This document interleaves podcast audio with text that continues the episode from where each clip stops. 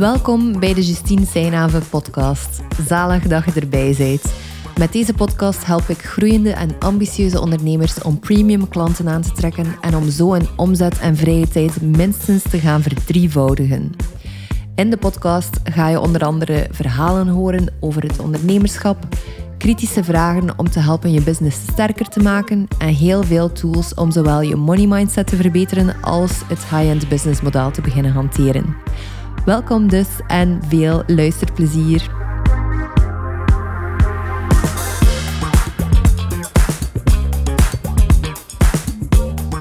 Hey en welkom bij de allereerste Justine Seinhaven podcast. Vind het mega tof om u hier welkom te kunnen heten. Ik heb natuurlijk al de intro gehoord, maar ik ga u hier nog een keer welkom heten. Ik ben ook een klein beetje nerveus natuurlijk, omdat het meer een persoonlijker verhaal wordt vandaag. In tegenstelling tot de volgende afleveringen, die meer informatief zullen zijn, meer over high-end ondernemen zullen gaan, meer over money mindset. En hier nu vandaag gaat het over mijn eigen ondernemersverhaal. Hoe dat ik eigenlijk in het ondernemerschap gerold ben. Dus ja, het voelt zo wel als een specialeke, omdat ik merk dat ik bang ben om mij kwetsbaar op te stellen of dat ik per ongeluk hier iets ga uitkramen uh, dat misschien niet de bedoeling is. Maar gelukkig is uh, Matthijs, mijn podcast-editor, er dan om bepaalde dingen uit te knippen. Nee, het is geen waar. Ik ga proberen om het echt zo transparant mogelijk te houden, want daarom ben ik ook beginnen podcasten. Hè. Ik heb voldoende gehint op uh, Instagram dat ik het een van de meest intieme content marketing tools zou beginnen gebruiken. Dus dan gaan we het ook echt gebruiken. En Brene Brown zou alleen maar trots zijn op mij als ik hier bepaalde dingen zeg dat ik anders nog nooit aan iemand zou verteld hebben. Dus um, ben in ieder geval blij dat je erbij bent. Hoe ben ik eigenlijk in het ondernemerschap letterlijk gerold? Zoals dat je al zag aan de titel, kom ik niet voort uit een ondernemersgezin of zo. Of had ik niet spontaan zoiets als ik klein was van, oh, ik ga hier uh, limonade maken en dan verkopen. Je hebt zo van die ondernemers die echt geboren ondernemers zijn, die van kleins af aan al staan te verkopen. Of al aan het onderhandelen zijn over Pokémon-kaarten met hun vriendjes. Zo was ik dus eigenlijk niet. Behalve dat ik mij wel een keer in de luren heb laten leggen over een diddelblaadje. Maar dat is een verhaal voor een andere keer. Het zat eigenlijk helemaal niet zo bij mij. Ik was eigenlijk ja, als we gaan kijken naar mijn gezin, ik was de jongste van drie dochters, of ik ben de jongste van drie dochters. En we zaten eigenlijk in mijn hoofd alleszins, want dat is ook grappig. Nadien heb je dan door dat iedereen zijn situatie eigenlijk anders is.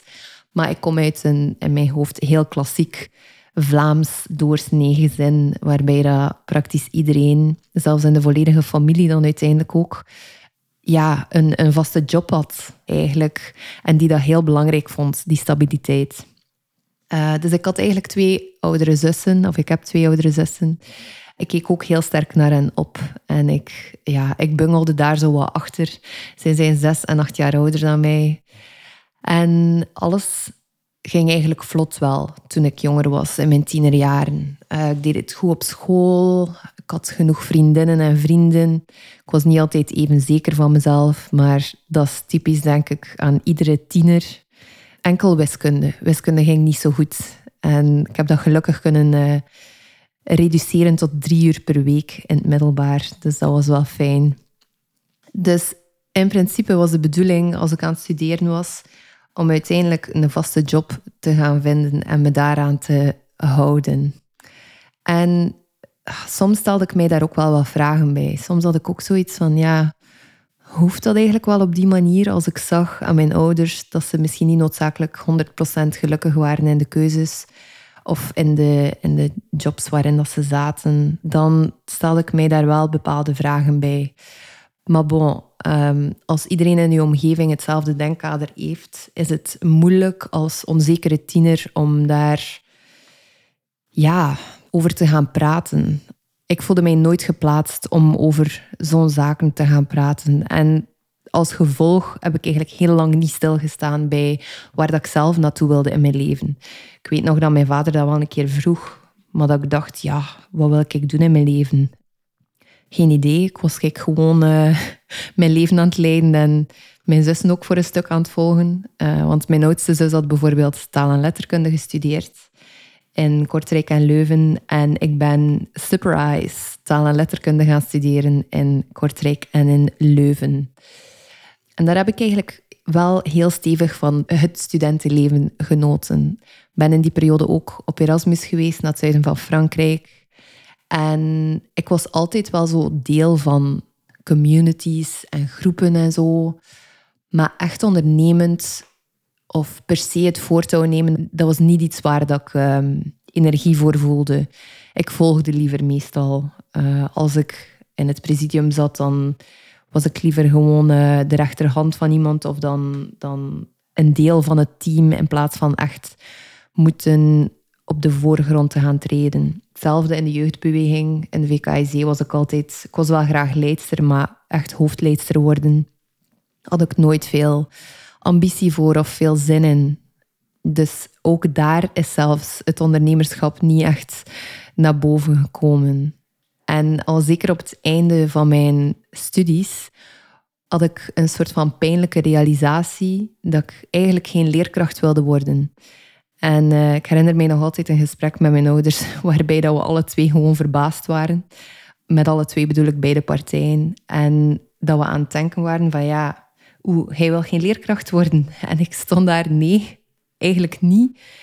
En ja, ik vond dat wel even spannend om te beseffen, omdat blijkbaar de enige optie als je talen gedaan had, leek om leerkracht te worden. Of dat was toch wat dat iedereen in mijn buurt ongeveer deed.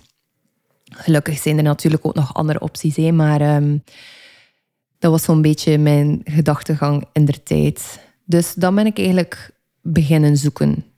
En als ik erop terugkijk, is dat echt wel het begin van de zoektocht geweest. Ik heb mij voor het eerst echt een keer aan de keuze gezet van oké, wat wil ik doen? Wil ik gaan werken? Was ik effectief al aan het overwegen om te gaan werken na vier jaar studeren. Maar het ding was dat mijn vrienden natuurlijk vijf jaar studeerden, want de meeste masters waren vijf jaar op dat moment. En ik wilde dus graag nog een jaartje bijdoen om nog wat extra te genieten van studentenleven. En na lang twijfelen heb ik een uh, master management geprobeerd aan de KU Leuven. En je hoort mij al afkomen geprobeerd, want er zat heel veel wiskunde plots in, statistiek en zo verder. En uh, ja, mijn punten, in tegenstelling tot uh, al mijn jaren in talen, waren niet rond de 12 en 14, maar leken eerder op een telefoonnummer. Dus um, na een jaar ben ik daar dan ook mee gestopt. Achteraf gezien had ik dat beter eigenlijk na een half jaar al gedaan. Maar um, spijt vind ik geen zo'n praktische emotie op zich. Ook al ze mag er zeker zijn. Maar um, als ik erop terugkijk, ja, ik zou waarschijnlijk hetzelfde opnieuw gedaan hebben. Dus um, dat is ook wel fijn om te beseffen dan. Dus in die periode was ik eigenlijk echt aan het zoeken. Ik had dan ook net Kobe leren kennen, mijn vriend. En hij was eigenlijk de eerste die mij heeft aangemoedigd na dat jaar management, waarin dat ik wel mezelf wat ben tegengekomen. Omdat dat de eerste grote failure praktisch was in mijn leven. Um, ben ik beginnen nadenken over wat ik wilde doen in mijn leven. En ik was altijd al geïnteresseerd geweest in mode. En ik wilde eigenlijk graag een bepaalde stage gaan doen. Maar dat was een gratis stage, dus dat betekende dat ik wel nog bij mijn ouders moest um, wonen moest, met heel veel goesting. En mijn ouders begrepen dat ook totaal niet, hoe dat ik na vijf jaar studeren eigenlijk een gratis stage uh, wilde doen. Nu, gelukkig, ik was zelf een klein beetje koppig. En Kobe was dan de eerste die zei van, ah ja, mega tof als je dat wilt doen. Waarom niet? En dat was de eerste keer dat ik dacht, tja, hij kijkt daar anders naar. Hij is eigenlijk niet bij ieder idee dat ik heb aan zeggen van dat kan niet daarom of wat ga je daarmee doen of je verdient daar geen geld mee.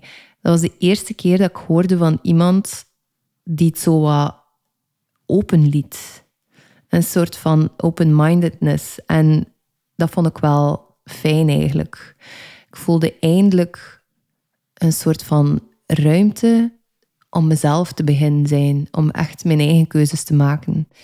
En ik vind dat heel pijnlijk ook om toe te geven, omdat ik zoiets heb van ja, je bent dan, hoe oud was ik, drie of 24 jaar. En dat moest zo lang duren vooraleer dat je dat beseft. Maar als ik het bekijk van op de afstand, dan kon het niet anders dan op die manier gebeurd zijn. Dat ik dan pas dat inzicht kreeg. Omdat ik heb dat perspectief nu natuurlijk. Ik had dat vroeger totaal niet, maar ik ben vrij beschermd opgevoed wel. En ik had niet het zelfvertrouwen om bijvoorbeeld het oneens te zijn met mijn ouders.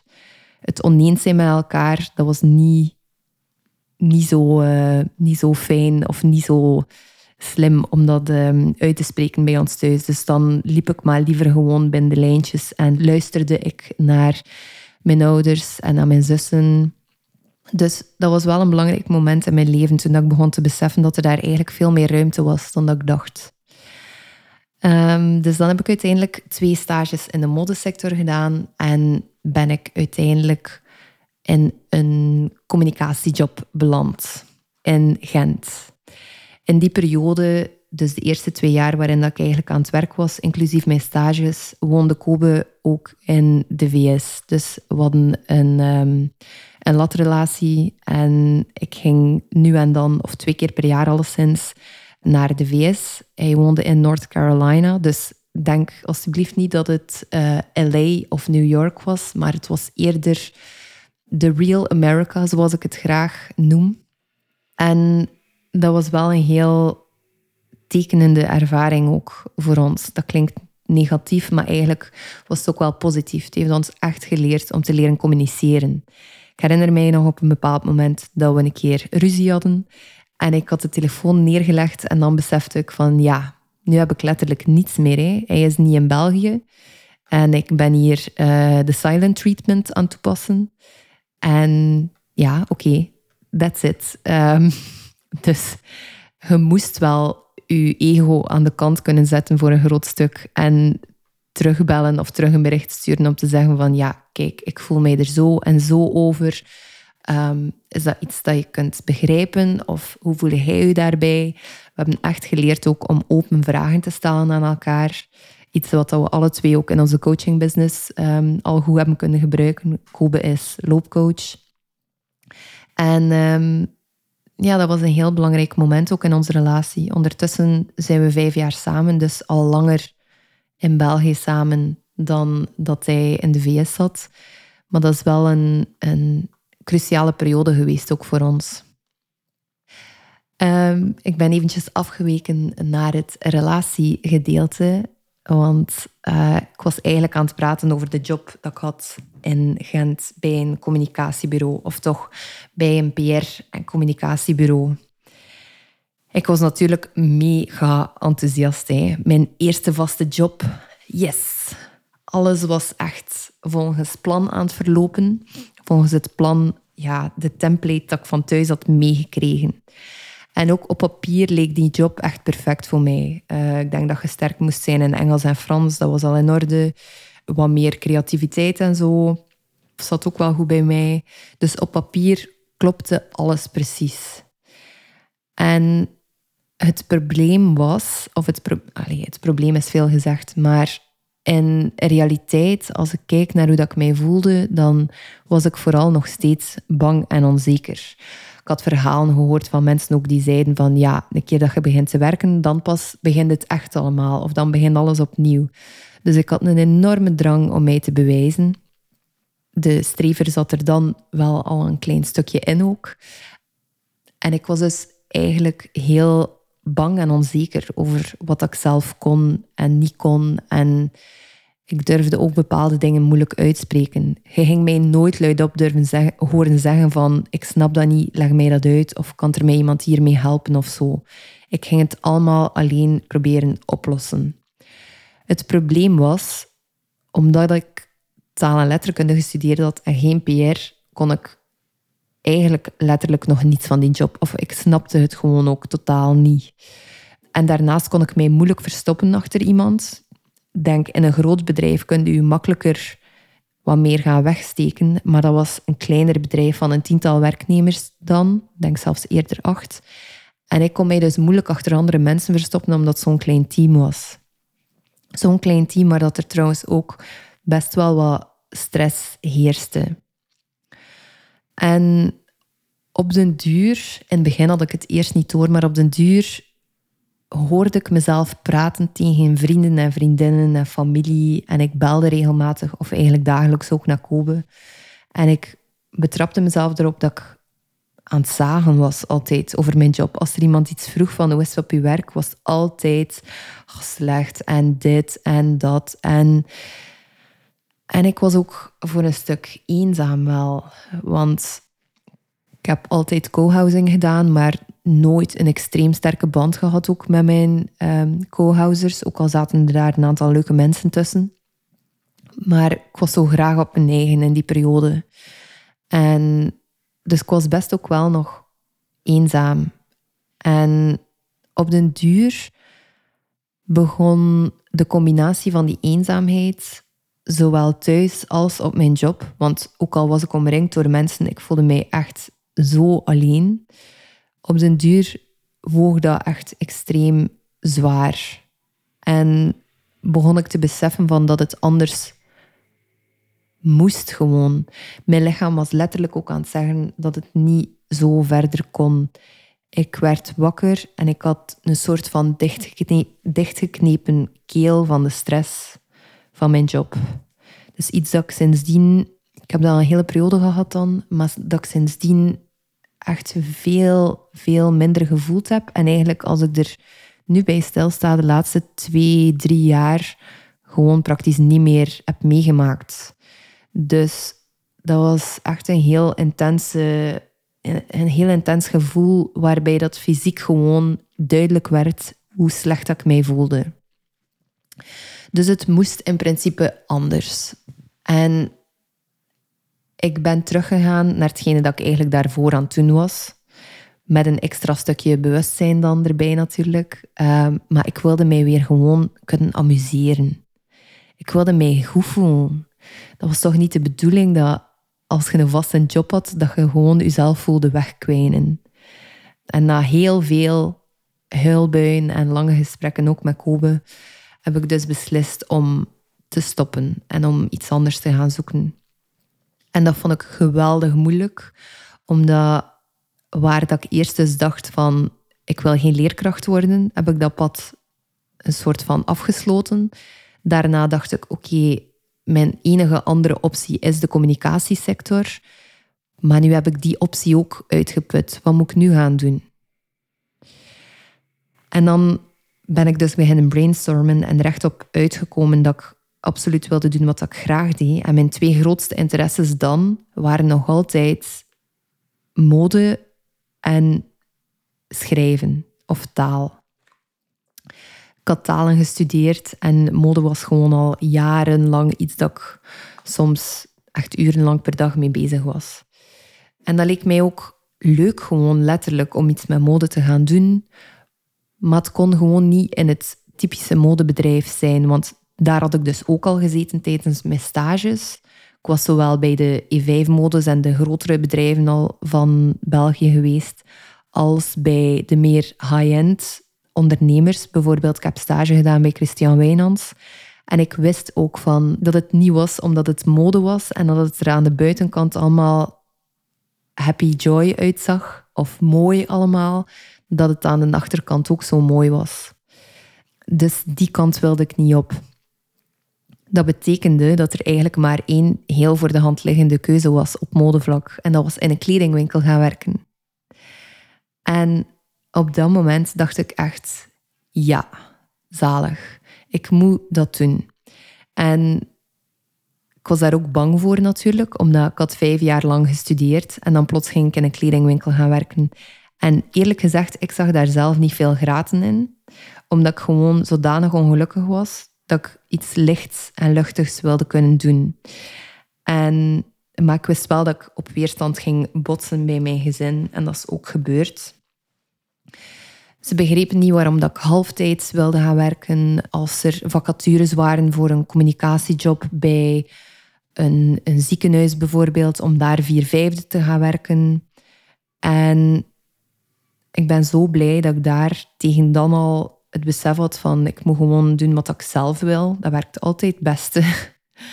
Want naast die halftijdse job in de kledingwinkel ben ik dus copywriter geworden in bijberoep om iets met taal te doen. En tot op vandaag ben ik nog altijd heel trots op het feit dat ik die beslissingen gemaakt heb en dat ik die combinatie heb gevonden ook. Want eerlijk gezegd, dat was echt zalig op dat moment. Het was perfect wat ik nodig had. Ik ben in een super toffe winkel hier in Gent terechtgekomen bij een heel lieve store manager die mij echt terug ook voor een stukje zelfvertrouwen heeft teruggegeven. Want mentaal heeft die 9-to-5 job er wel ferm ingehakt. Ik was zodanig streng voor mezelf dat ik eigenlijk niet goed wist van kan ik wel iets, kan ik wel iets voor iemand of voor een bedrijf of zo gaan betekenen.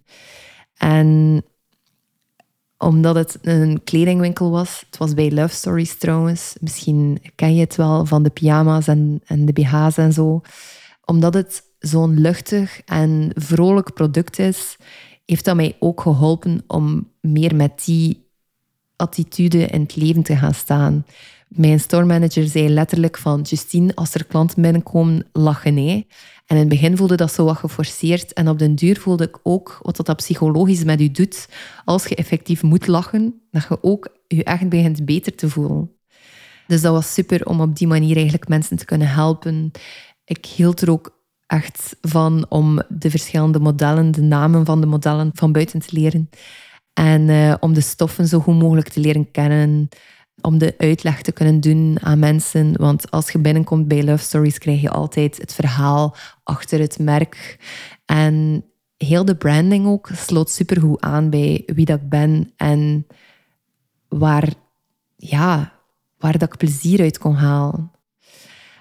En naast de kledingwinkel dus was ik ondertussen gestart met copywriting. Ik had een vriendin die tegen dan fulltime copywriter was en ik was daar wel een beetje jaloers op. Dat zij eigenlijk haar een boterham kon verdienen door te schrijven. En ik dacht, goh jong, als zij dat kan... Allee, we hebben alle twee talen gestudeerd, ik moet dat ook kunnen. En ehm, ik heb dus mijn ondernemingsnummer aangevraagd en zo al de praktische zaken in orde gebracht. Een keer goed gepost bij de boekhoudster of dat dat wel een goed idee was, of dat dat niet te risicovol was. En zij kon ook bevestigen van, ja, eigenlijk in bijberoep heb je echt niet veel voor te vrezen. En ik ben ook nog altijd zo dankbaar voor dat gesprek dat we op dat moment gehad hebben, omdat zij echt wel in mij geloofde ook precies. En ja, dan begon het. Hé. Dan begon het begon ik met klanten te zoeken, begon ik met mijn website op te bouwen, voelde ik mij ondertussen al beter op uh, of in de winkel. Was ook een ideale combinatie, want na kosten toe wist ik altijd van oké, ik heb mijn loon van, van in de winkel en dan daarnaast alles dat erbij komt was eigenlijk extra, want ik leefde heel zuinig ik denk dat ik een loon had van 1200 euro en mijn huur was iets van 400 op dat moment. En dan nog kon ik sparen. Vraag mij alsjeblieft niet hoe dat ik het deed, want ik denk dat ik soms echt in mijn eigen vingers gesneden heb of het mezelf echt lastig gemaakt heb. Um, laat me zeggen dat ik nog het concept van financiële abundance niet zo goed kende. Ehm, maar ik weet nog dat ik in mijn eerste maand in wat was dat, januari 2019 letterlijk 13 euro verdiend had. Of een factuur van 13 euro had gemaakt. En ik was zo content. Ik dacht echt, wow, check mij hier ondernemen. Mega spannend. En ja, ik vind dat zo mooi om daarop terug te kijken en om te beseffen van dat het eigenlijk begin was van een heel gekker verhaal nog. Of een verhaal van uitbreiding en van nog meer dat zelfvertrouwen durven voeden en voelen. En om het op een cheesy manier te zeggen, in het licht gaan durven staan. Want als ik eigenlijk daarvoor dacht aan ondernemen, dan dacht ik altijd aan grote bedrijven. Dan dacht ik altijd aan de KPNG's van de wereld en de Deloitte's van de wereld en de ik bleef precies plakken bij de Big Four, de colas van de wereld. En ik dacht om het te maken in je leven dat je bij een van die bedrijven moest gaan werken, ofwel zelf zo'n bedrijf uit de grond stampen. Maar die tweede optie, daar wist ik al niet eens hoe of wat uh, aan te beginnen. En de schoonheid daarvan, of van mijn eigen verhaal, is dus echt gewoon dat het een vertaling geweest is van wie dat ik ben als mens en wat dat ik graag doe. En daar is ondernemen een soort van paraplu voor. En dat vind ik zo zot dat ik dat nooit op school ook geleerd heb. Hoe dat ondernemen gewoon een soort van flexibel principe is, waar dat je eigenlijk van alles kunt ondersteken dat je graag doet, goed in zijt, wilt exploreren. En dat was eigenlijk perfect voor mij, want ik wilde in de eerste plaats vooral vrij zijn en mij echt kunnen amuseren. En dan ben ik dat dus verder beginnen doen, want in 2019 was ik dus copywriter in bijberoep. En dan heb ik uiteindelijk een grote klant aangetrokken die ervoor gezorgd heeft dat ik dus eigenlijk fulltime kon beginnen ondernemen. En dan, ja, was mijn leven helemaal gek aan het worden. Nee. Plots kon ik mijn eigen dag indelen. Ik dacht, was dat hier nu? Iemand die zo ja, gekend was met het schoolsysteem, waarbij dat je van acht uur tot vijf uur op een bank gaat gaan zitten en dan zo het, het 9-to-5-principe had meegekregen van thuis, waarbij dat je ook van 8 uur s morgens tot 5 uur s avonds of langer naar je werk gaat, daar je uren doet en dan terugkeert en dan krijg je maandelijks hetzelfde bedrag. En plots was alles mogelijk. En dat heeft mij zo verbaasd. En in 2020 was ik dus fulltime copywriting aan het doen. En ook tijdens datzelfde jaar voelde ik van... Ik doe dat heel graag, copywriting of alles van schrijven, maar ik miste een soort van verbinding met mijn klanten. Ik miste het om eigenlijk alle jaren van zelfontwikkeling dat ik daarvoor al had gedaan, om die te gaan gebruiken, om die te gaan benutten en toepassen. En dan ben ik dat dus ook beginnen doen. Ik heb eigenlijk mijn eerste business coach ingehuurd in augustus 2020. Ik weet nog dat ik dan dacht van, Jesus, wat een gigantisch bedrag. Dat was 3000 euro. Sorry, 3000 dollar zelfs, denk ik. En ehm, ik was zo bang om die investering te doen. Ik hoor het mij nog zeggen aan een van mijn vriendinnen. Van ja, dat is wel een ferm bedrag. En uh, ja, ik ga moeten maken dat ik dat terugverdien en zo verder. En dan was de kwestie eigenlijk, of hetgene waar zij mij het meest mee geholpen heeft, was het vinden van mijn niche. En de opties waren ofwel copycoaching voor dienstverleners, ofwel ging ik andere copywriters gaan coachen om eigenlijk ook een succesvol copywritingbedrijf te gaan creëren. En zoals dat je waarschijnlijk wel merkt, is het de tweede optie geworden, waarbij dat dan de copywriters wel een uitgebreidere doelgroep geworden zijn. Ehm, en dat ik mij echt ben beginnen richten op dienstverleners. Uh, dus zowel social media managers als webdesigners, copywriters, um, coaches zitten er daar ook tussen. Ik heb nu een klant bijvoorbeeld die zich focust op prijszetting. Dus eigenlijk gewoon dienstverleners. En dat was zo tof om daarmee te starten. En ik was opnieuw verbaasd van de mogelijkheden die er waren. Want het begon allemaal met een korte strategiesessie van, ik denk dat dat 297 euro was in der tijd. En dat vond ik al spannend om te gaan verkopen. Maar dat werd heel snel een langer traject van 2000 euro. En dan begin 2021 ben ik eigenlijk in contact gekomen met het high-end business model. En is alles beginnen vermenigvuldigen. En dat is ook wel het fijne dat de cirkel op die manier rond is, want het is net dat vermenigvuldigen en het zelfvertrouwen kunnen voeden, waar ik al over gesproken heb, die combinatie is cruciaal voor mij en is ook hetgene dat ik absoluut meegeef aan mijn klanten.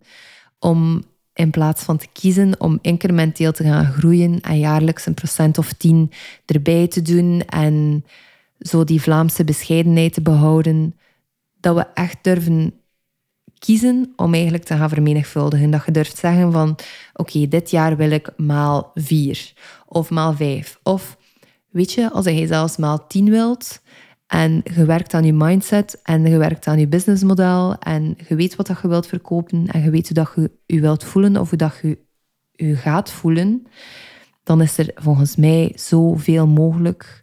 Ik heb echt al ondernemers gehoord die maal tien gegaan zijn en ik geloof daar zo sterk in. Dus dat was eigenlijk mijn verhaal hoe dat ik bij coaching terecht ben gekomen. Ben nog altijd een klein beetje nerveus, maar het is wel redelijk wat gezakt. En ik hoop vooral dat je hier iets aan gehad hebt of dat het u op een of andere manier, als je misschien uit een minder ideale situatie komt om te gaan ondernemen, dat je misschien niet uit een ondernemersnest komt, of of dat je zelf zegt van ondernemen zegt mij niet per se veel, ik wil mij gewoon kunnen amuseren, dat je weet dat het ondernemerschap daar net perfect voor is om je te amuseren. Hij zit een baas. Hij kan het zelf allemaal inrichten. En is het altijd allemaal makkelijk en roze geur en maneschijn? Totaal niet. Maar er is gewoon zoveel mogelijk als je ervoor kiest om het mogelijk te gaan maken. En daarmee wil ik deze eerste aflevering graag afsluiten. Merci om te luisteren vandaag. Als je iets bijgeleerd hebt of hebt een nieuw inzicht gedaan dat je business gaat laten groeien, vergeet dan zeker niet om de podcast te volgen of u erop te abonneren. Of als je mij liever een persoonlijk berichtje stuurt, kan dat via de DM's op Instagram. Je vindt de link naar mijn profiel in de show notes.